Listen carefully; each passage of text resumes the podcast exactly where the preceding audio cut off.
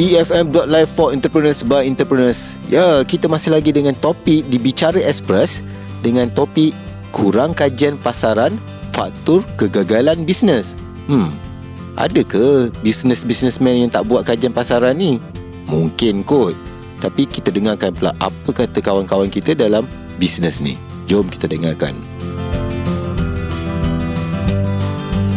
Assalamualaikum, salam sejahtera. Semoga apa yang kita rancangkan kepada usahawan mungkin sedang berusaha, sedang uh, berbincang ke dengan partner ke dengan dengan pelanggan ke, semoga apa yang mereka rancangkan hari ini beroleh kejayaan. Dan sebelum tu kita dengarkan dulu kata-kata motivasi iaitu semua impian boleh dicapai, tetapi tidak semua sanggup berusaha untuk mencapainya. Mungkin ada orang yang ada je impian dia Tapi dia tak pernah nak usaha untuk mencapainya. Ha, Tak boleh lah macam tu. Kenalah usaha, kenalah fikirkan strategi Macam mana nak mencapai impian dan cita-cita tersebut.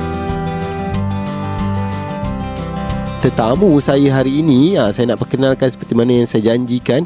Namanya agak agak unik Iaitu Ijlali Husna binti alias. Daripada Ijlali Husna Design. Apa khabar? Khabar baik, Alhamdulillah. Assalamualaikum dan selamat datang pada EFM. Waalaikumsalam. Terima kasih ah. kerana menjemput. Okey, nak panggil Ijlali ke? Lali ke? Husna ke? Ha.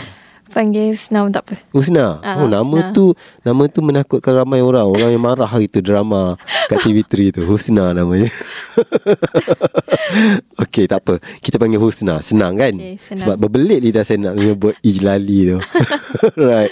Okay Husna okay. okay Boleh ceritakan sedikit Pasal Ijlali Husna Design ni Sebenarnya. Apa dia sebenarnya? Buat design like, uh, Fashion ke? Design uh, Apa apa-apalah apa-apa sebenarnya bendanya. Cuba cerita kat sikit dekat pendengar-pendengar EFM. Okey, Assalamualaikum semua. Apa bisnes saya yang saya buat sekarang lah. Uh-huh. Um, perkhidmatan, saya menjalankan jenis perkhidmatan pakaian. Uh-huh. Antaranya misi saya uh-huh. uh, dan misi jangka panjang visi saya. Uh-huh. Bukan sahaja setakat nak buat bisnes jahitan uh-huh. tapi nak bentuk seorang tailor ataupun individu uh-huh. yang boleh membantu society. Hmm. Uh, maksudnya kalau kita buat uh, kita tak dapat buat baju tapi kita dapat bentuk orang untuk ada skill yang sama sebab mm-hmm. zaman sekarang zaman orang kan ada skill Betul. orang memang kena ada uh, ability mm-hmm. untuk kalau sekarang ekonomi pun kita tak tak, tak tentu kan tentu kan okay. ha, jadi mm-hmm.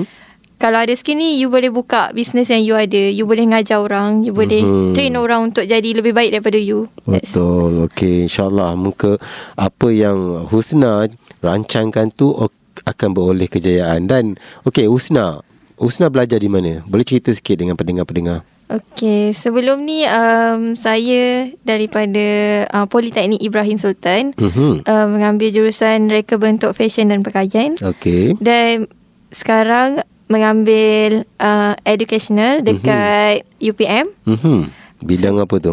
Bidang pendidikan sains rumah tangga lah. Ha, siapa yang nak cari isteri, inilah orangnya.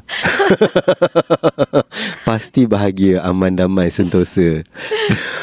Betul tak? InsyaAllah kan? InsyaAllah. Alright, okay.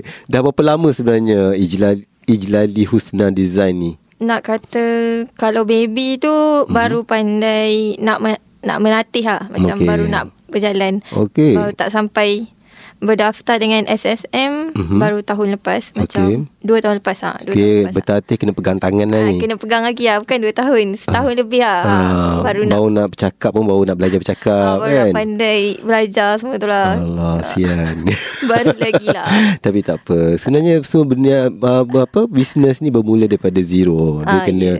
starting lepas tu tapi yang penting ilmu kena korek sedalam mungkin uh, yeah. cerita pasal tadi Usna start buka bisnes ni kan dia uh. more pada fashion. Hmm. Okay, mesti ada idola ataupun mentor yang mendidik Husna untuk berjaya.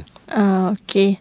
Tipulah kalau saya kata saya tak ada mentor ataupun inspirasi lah. Uh-huh. Saya panggil inspirasi yang menjadikan saya lebih kuat untuk saya move ke depan, uh-huh. untuk mhm. saya maju lagi ke depan. Uh-huh. Bila saya tengok um, designer-designer hebat sekarang, uh-huh. Uh, salah seorangnya saya pernah berpraktikal dengan Arma Abdul Rahman Wedi Kencor. Okay. Jadi dia salah satu uh, mentor yang saya kagumi lah. Mm-hmm. uh, beliau sangat kagumi beliau. Mm-hmm. uh, seterusnya Liana Rahman. Mm-hmm. uh, antara collection ready to wear yang paling saya suka lah. Uh, sangat berikut trending. Dia first first yang paling cepat naik lah. Dia punya mm-hmm. Liana Rahman. Uh, macam tu. Okey, semoga uh, Husna boleh berjaya seperti mereka satu hari nanti. InsyaAllah terima kasih. Kan? Alright. So macam mana boleh terfikir nak buat bisnes ni Husna? Kenapa tak buat bisnes lain? Kenapa bisnes ni Okay, um, pakaian ni kalau kita nak kata kita kalau boleh cari bisnes yang takkan mati ya. Mm-hmm. Orang cakap akan sentiasa ada, sentiasa mm-hmm. berterusan macam mm-hmm. makanan, setiap mm-hmm. sebab apa? Sebab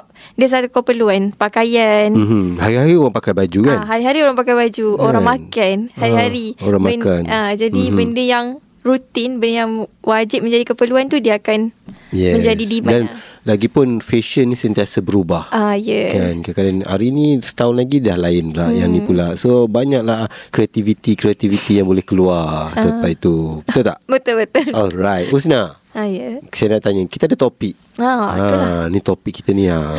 Mesti berdebar-debar kan Tak tahu apa eh. Kena pula eh kali ni ha, Don't worry uh. Relax Okay Ini pandangan anda pula Okay uh. Tiada kajian pasaran Faktor bisnes tersungkur Kenapa saya cakap macam ni Kenapa topik ni saya pilih Okay uh. Nak tahu kenapa Sebab ada uns apa ni kajian sendiri ataupun um, figure menyatakan bahawa uh, daripada SSM contohnya hmm. adalah 100 bisnes yang berdaftar hmm. biasanya uh, average hanya tak sampai 20 yang akan bertahan selama lebih lima tahun. Um. Kebanyakannya akan bungkus, tak aktif.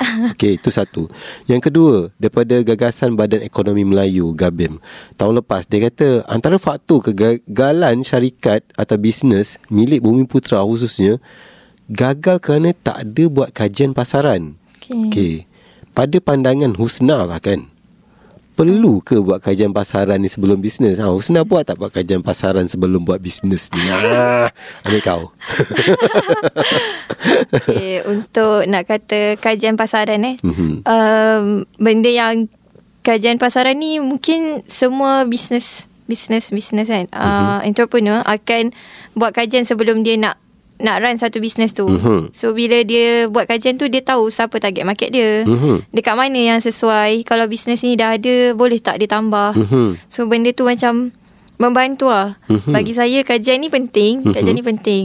Uh, sebab kalau kita contohlah. Contoh saya bagi. Mm-hmm. Uh, dekat kawasan tu memang tak ada uh, orang menjahit. Mm-hmm. Uh, dan jahitan merupakan uh, bila kita dia dia dulu mungkin ada mm-hmm. kedai jahit. Lepas tu kedai jahit tu tutup. Mm-hmm. Mungkin jadi, tak ada orang nak jahit kan? Ah uh, jadi dia orang nak pergi jahit kat mana? Uh, Betul.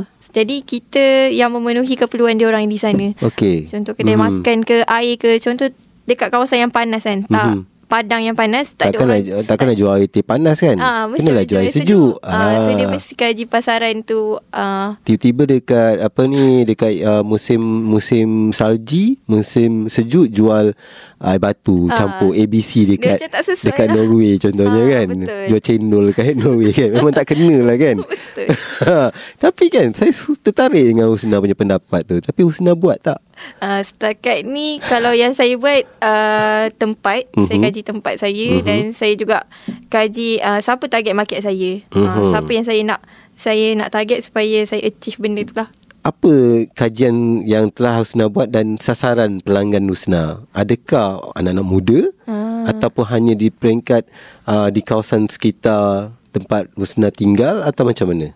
Okay, kalau untuk fashion ni dia uh-huh. more kepada trending ataupun um, isu semasa. Contoh uh-huh. lah, contoh saya bagi situasi, uh-huh. saya saya kena sentiasa kaji tentang trend. Uh-huh. Uh, Malaysia ni kaya dengan dan pelbagai dengan um, kita berbilang bangsa kan. Okay. Jadi setiap uh, Malaysia ni bukan jenis bermusim macam mm-hmm. musim luruh ke apa. Tapi mm-hmm. kita punya musim, musim perayaan. Alright. Jadi fashion ni kalau kita ikut trend perayaan, mm-hmm. dia pun dah membantu lah. Mm-hmm. Macam kemerdekaan baru ni. Kita mm-hmm. buat design-design yang... Mm-hmm.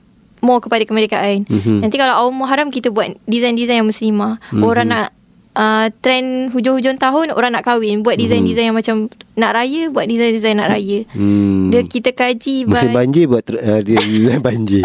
Kalau musim banjir saya Kain kena singkat Seluar kena separuh. Mungkin lah saya tak pernah bertemu senang nak, nak hujan kan. kan? Nah, senang nak redah tu. Pasal ada boot Ah. boot kuning Ah, sebab kita berbeza dengan culture yang kalau winter yang Ah, fall. saya nak tambah satu lagi. Tu. Musim jerebu kena ada cover kat hidung. kat muka kan. ah, Ah, kan. satu Kenalah idea buat ah, satu menarik. menarik kan. Sebab kita tak ada design macam tu. Kita member je kan. Ya, betul. Ah, kita teruskan dengan topik kita hari ni. Hmm. Ah, iaitu pasal apa ni kajian pasaran ni tadi. Okay. Alright. Berdasarkan pengalaman Husna sendirilah. Hmm. Kawan-kawan sekitar mesti Husna ada grup-grup bisnes. Uh-uh. Secara pemahaman Husna lah melihat mereka. Mereka ni ada tak buat kajian pasaran? Setakat ni kawan-kawan saya uh, ada yang buat dan Mhm. ada juga lah yang tak buat. Ha, Mhm. Ada yang kalau yang tak buat tu mungkin bisnes dia orang dalam jangka masa yang pendek je lah. Mhm. Macam dia nak jual sekali tu je. Lepas Husna tak nasihatkan dia orang buatlah. buatlah benda ni. Janganlah kalau buat. kalau untuk first business uh, saya minta dia orang kaji market dulu. Mhm. Contoh market uh, kita try dulu blast online Mhm. uh, gambar-gambar tudung. Dia orang nak start business tudung. Dia orang Mhm. ada modal. Mhm. So macam mana dia orang nak buat benda tu saya kata cuba you test market. Color apa you nak? Mhm. Okay, you senaraikan Sebab color. pun main peranan juga. Ada orang Ya, kadang-kadang kalau ada masalah ke. colour kan Ah. orang tak pakai pula kan, tak beli pula kan. Kena tengok forecasting color tu macam mana.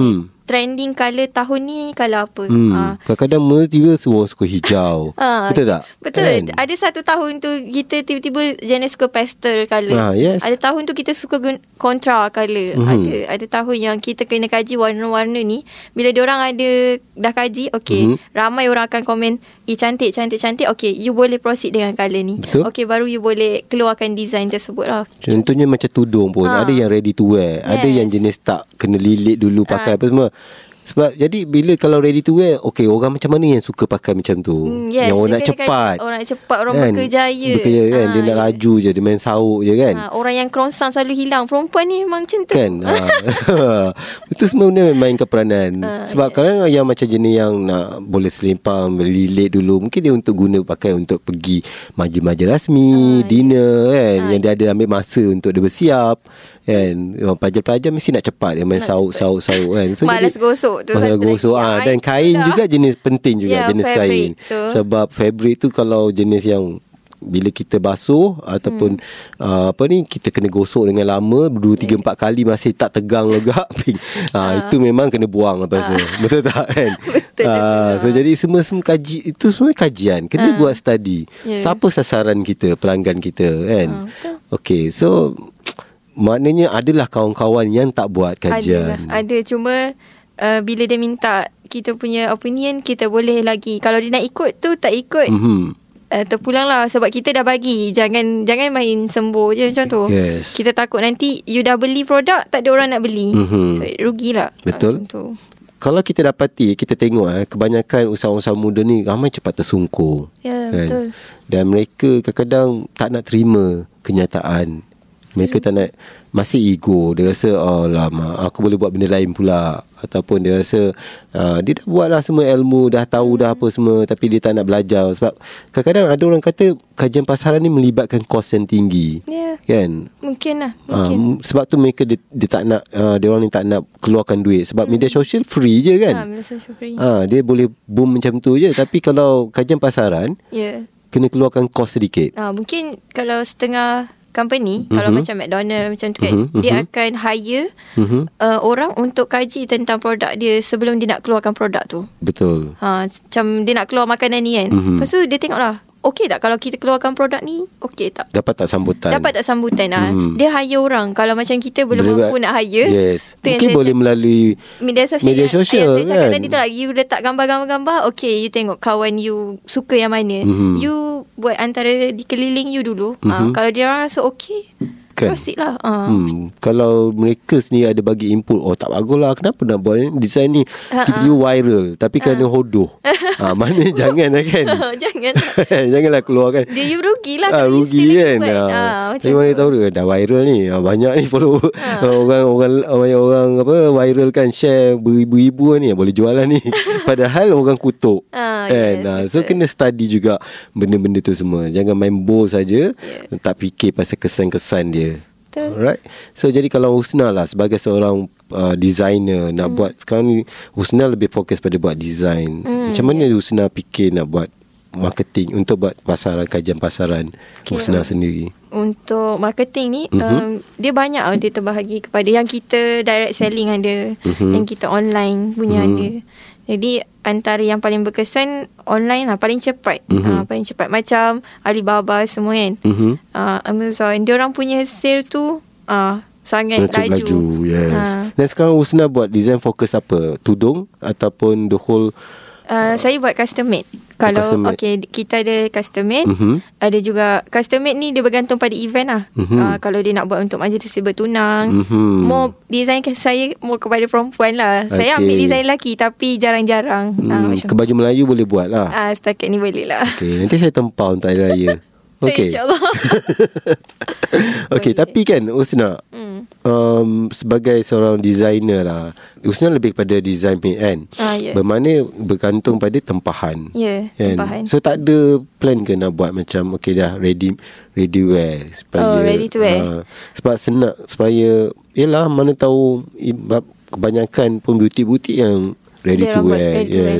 Kalau nak buat ready to wear ni boleh macam saya cakap lah kena Mhm. ada musim. Kalau mm-hmm. diorang musim macam perayaan kan kita buat ready to wear. Mhm. Ah, kadang jalan, kadang tak jalan, ah, Mhm. kena tengok. So far macam sambutan Kepada Ijlali Husna Design ni Alhamdulillah lah ada lah. Ada eh Okey Alhamdulillah Okey Kemana hala tuju bisnes Husna nak bawa Mungkin dalam 3 tahun 5 tahun akan datang Okey, untuk hala tuju bisnes ni saya mau kepada custom made lah, custom Mhm. made dan keperluan saya untuk saya post ke luar negara Mhm. adalah juga berangan kan kata Mhm. kita takkan dah tak berangan. Betul lah Nak hantar Kena, ke luar kena ada impian Ah, kena Jangan ada, sebut berangan Okey, Impian Kena ada impian. Ah, Okey, saya Baru ada, impian tu Kita cap, kena capai Kena Ah, usaha untuk capai nak ke ke pasaran luar negara lah. Kalau boleh, Mhm. kalau tak pun masuk uh, website-website yang memang contoh kalau kat Malaysia ni batik kita macam batik songket Malaysia rasa macam biasa. Mhm. Tapi if you sell dekat luar, Mhm. benda tu jadi luar biasa. Fabric Betul. yang you Mhm. guna.